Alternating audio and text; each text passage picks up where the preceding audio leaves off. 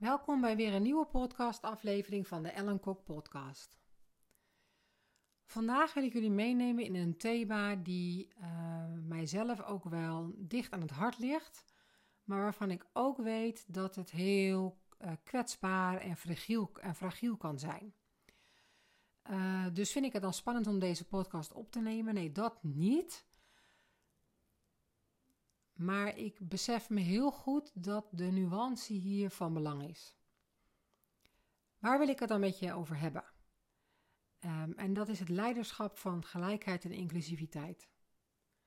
Ik ben namelijk, ik geloof er ongelooflijk in dat we als vrouwelijke leiders een cruciale rol hebben in het bevorderen van gelijkheid en inclusie. Niet alleen in organisaties overigens, maar ook in de bredere samenleving. Uh, dat is ook waarom ik jullie wil meenemen wat het voor mij dan is, inclusief leiderschap. Uh, hoe we zelf kunnen bijdragen, hoe ik meer wil bijdragen aan die gelijkwaardige en inclusieve wereld. En waarom is dat dan zo belangrijk? Um, ja, weet je, gelijke kansen en inclusie zijn gewoon fundamentele mensenrechten. Jij hebt nergens gevraagd om waarom jij geboren bent en waar jouw wiegje heeft gestaan. Um, er zijn heel veel elementen waar je gewoon niet, geen invloed op hebt gehad. Maar ik vind, dat, en zeker als leider, dat we met elkaar de verantwoordelijkheid wel hebben om ervoor te zorgen dat iedereen zich gehoord, gezien en gewaardeerd voelt. Uh, en het creëren dus van een inclusieve werkomgeving en samenleving bevordert daar voor mij ook de diversiteit, de innovatie en betrokkenheid. En wat ik op dit moment zie gebeuren, uh, en ik wil niet zeggen dat dat niet goed is, uh, voor mij zit er echt geen goed of, of, of, of, fout achter, is dat we bij inclusief leiderschap heel erg streven naar een omgeving waarin iedereen, ongeacht een achtergrond, geslacht, ras of andere kenmerken, de kans krijgt om te groeien en te bloeien en bij te dragen. En voor mij gaat het niet alleen om die erkenning uh, van diversiteit, maar ook om het bevorderen van een cultuur van respect en gelijkwaardigheid. Eigenlijk waar het kort op neerkomt, is ook ruimte maken voor elkaar, maar ook oprecht nieuwsgierig zijn naar de achtergronden van elkaar. En toch zijn er een van de elementen van inclusiviteit waar ik met mijn pet wat minder bij kan. En dat is het glazen plafond. Ik ben echt van mening dat het glazen plafond is een verhaal is dat we onszelf vertellen. En ik snap dat er quota's zijn om vrouwen op een bepaald niveau te krijgen. En je zou misschien kunnen zeggen in het kader van inclusiviteit: liever een plek benoemd op de quota dan geen vrouw. Persoonlijk zou ik liever nooit de, en ik, zeg, ik besef heel goed dat dit wat scherp klinkt wat ik nu zeg, de excuustruus op basis van de quota willen zijn. Ik zou alleen op de plek terecht willen komen omdat ik de juiste vrouw op die plek ben. En ik snap dat dit verhaal wat genuanceerd is. Maar ik ben ook van mening dat als we, zeker waar het gaat om het glazen plafond, elkaar ook lange tijd hetzelfde verhaal blijven vertellen. Dus ja, in deze podcastaflevering neem ik jullie mee in een aantal elementen die inclusiviteit en gelijkheid zullen bevorderen. En hier en daar zal, zal ik ook mijn eigen ja, mening over delen. Uh, en het is helemaal oké als jij daar niks mee kunt. Maar voor mij zijn er wel een paar aantal elementen die naar dit gesprek kunnen helpen. En dat is namelijk het luisteren naar diverse perspectieven. Er zijn namelijk gewoon verschillende standpunten en ideeën op dit vraagstuk. En hoe mooi is het om juist iedereen aan te moedigen hun stem te laten horen. En te zorgen dat iedereen in het team zich gehoord voelt. Net zoals ik nu met jou eigenlijk deel dat ik veelal vind dat het glazen plafond een verhaal is dat we onszelf vertellen. Dat is mijn stem die ik graag gehoord wil laten zijn. En daar mag voor mij met net zoveel ruimte en aandacht de stem naast zijn die zegt: Maar ik vind het wel belangrijk.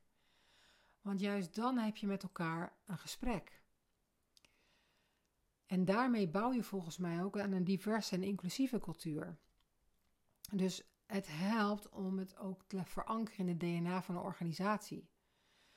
En daar helpt altijd beleid bij of programma's die gelijke kansen bevorderen of discriminatie voorkomen.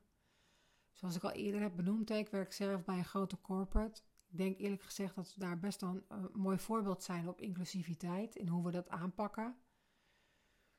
Zeker ook omdat ik lang niet bij alle organisaties uh, mentor- of ontwikkelprogramma's zie.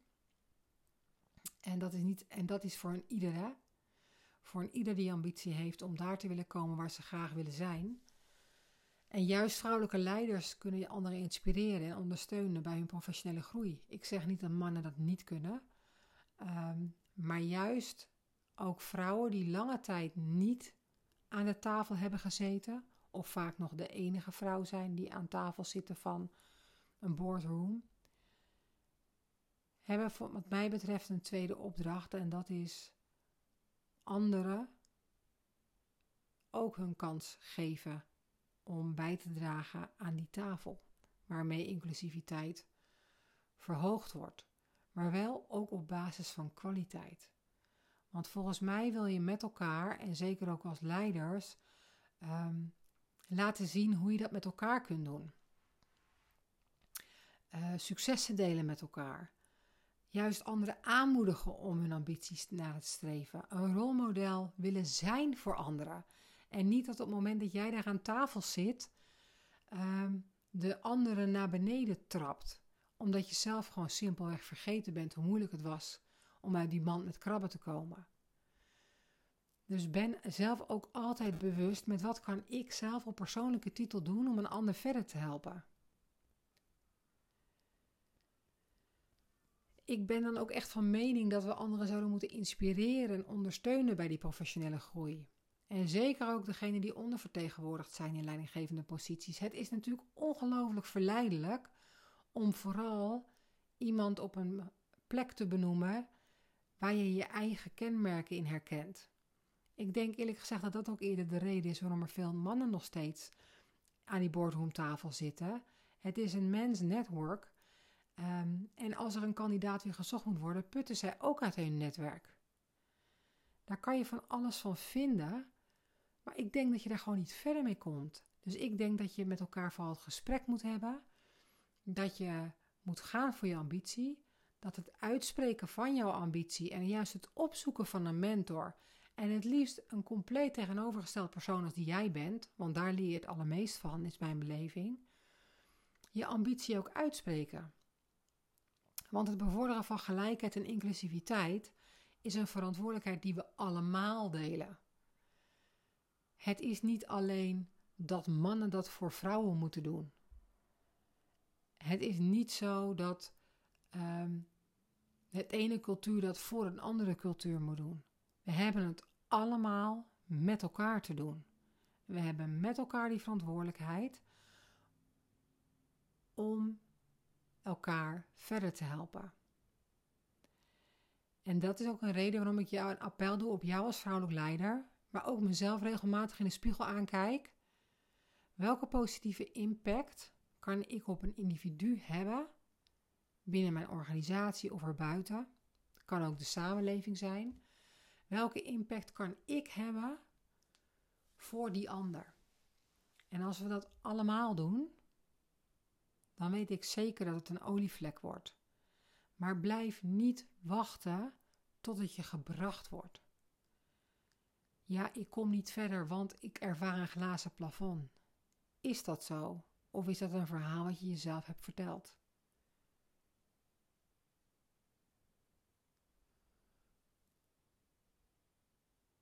Ik denk eerlijk gezegd dat het glazen plafond net zo min bestaat. En, en dat we ook zouden moeten stoppen met de schuld bij een ander te leggen waarom vrouwen wel of niet ook aan de top staan. Natuurlijk, je kunt allerlei stimuleringsprogramma's bedenken, maar je hebt ook altijd nog je eigen verantwoordelijkheid. Je hebt een keuze die je in je leven kan maken. Ga ik ervoor of ga ik er niet voor? En allebei is even goed. Maar als jij wil gaan voor de volgende stap in je carrière, en al is dat tot en met de boardroom aan toe, dan heb je ook loyaal te zijn aan jouw eigen ambitie. En daar zelf actie op te ondernemen. Dus niet te wachten tot een mentor roept: hé, hey, ik heb misschien wel plek. Zoek die mentor op waardoor jij denkt: hé, hey, die kan mij heel verder helpen. En als jij dan verder bent gekomen, wees dan ook weer een mentor voor iemand anders.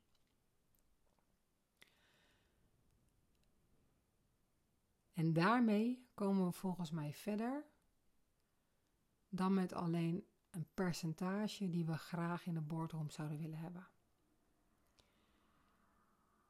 Ik besef me dat dit een gevoelige podcastaflevering voor je kan zijn. Zeker als jij zelf ervaart dat je in een minderheidspositie zit in je bedrijf. Maar ook dan heb je altijd nog een keuze. Als de omgeving jou niet tot bloei kan laten brengen, ga dan groeien in een andere omgeving. Hiermee ben ik tot een einde gekomen van deze aflevering. Misschien heb ik iets losgemaakt bij je. Als dat zo is, mag je hem altijd je reactie met me delen. Krijgt van mij ook altijd een reactie terug. Hoe dan ook, ik ben ervan overtuigd dat we samen een verschil kunnen maken naar een meer inclusieve wereld. En uh, je mag op mij rekenen, dan doe ik dat ook op jou. Voor nu wens ik je een hele fijne dag en tot de volgende keer.